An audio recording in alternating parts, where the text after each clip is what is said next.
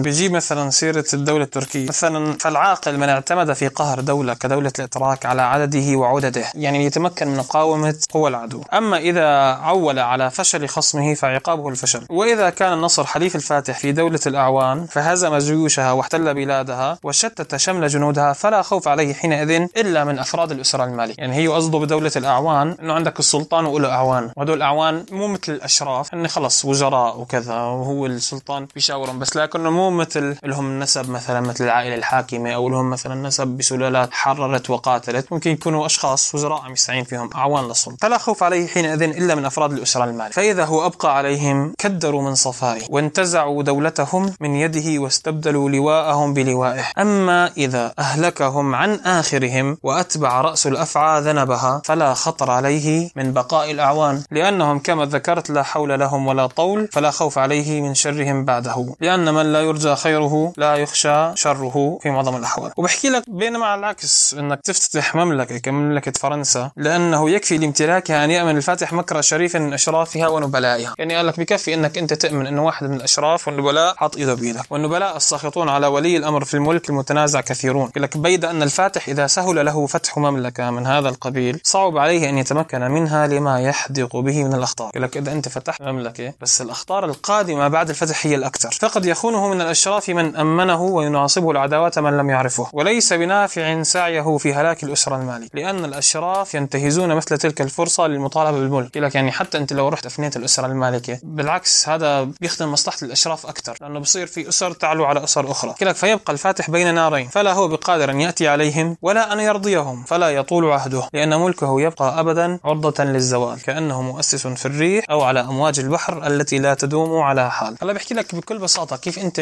بتقيس قوى الدول. إنه إذا كان الأمير إذا إذا تمكن إنه يحمي نفسه في وقت الخطر بمفرده ولا يحتاج أحد إنه يحميه يعني مثلا جيوش أخرى بيعتبر الأمير قادر على حماية نفسه بنفسه إذا استطاع في وقت الخطر بكثرة رجاله ووفرة ماله حشد جيش كافي لمقاومة أي عدو يعرض له. واعتبر الأمير محتاجا إلى حماية غيره. إذا كان وقت الخطر يحتمي وراء حصنه ويدفع عدوه ولا يهاجمه.